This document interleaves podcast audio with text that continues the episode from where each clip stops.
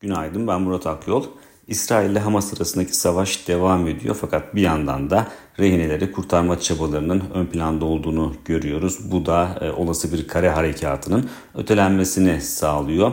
E, Tabi böyle olunca ilerleyen günlerde belki de bir müdahaleye gerek kalmayabileceğine yönelik bir algı oluşuyor ki bu da bölgedeki sorunların e, daha geniş bir alana yayılmayabileceğine yönelik umutları destekliyor. Bu da tabii ki doğal olarak risk iştahını destekleyen bir unsur olarak çalışıyor.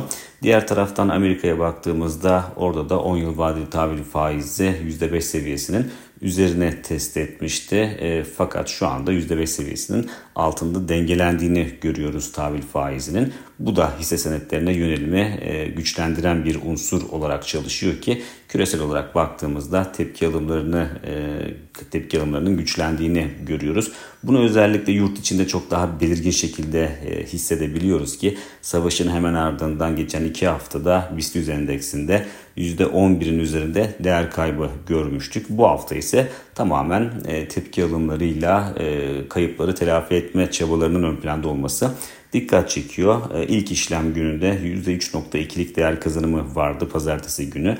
Dün de %3.1'lik değer kazanımı gördük endekste ve 8000 puan seviyesini de üzerine test etmeye başladık. Burası teknik açıdan aslında oldukça önemli bir nokta. Dolayısıyla 8000 puanın aşılması, üzerinde kalınması sonraki günler içinde iyimser bir sinyal olacaktır ki 8000 puanın üzerinde bir sonraki hedef neresi diye baktığımızda, bir sonraki direnç noktası neresi diye baktığımızda 8180 puan seviyesini görüyoruz. Özetle şu anda içeride e, çok daha e, iyimser, kuvvetli bir eğilim var yurt dışına kıyasla ama tabii ki e, önceki iki haftada belirgin şekilde baskı altında kaldığımız için bu göreceli güçlü performansında büyük bir sürpriz olmadığını da unutmamak gerekir.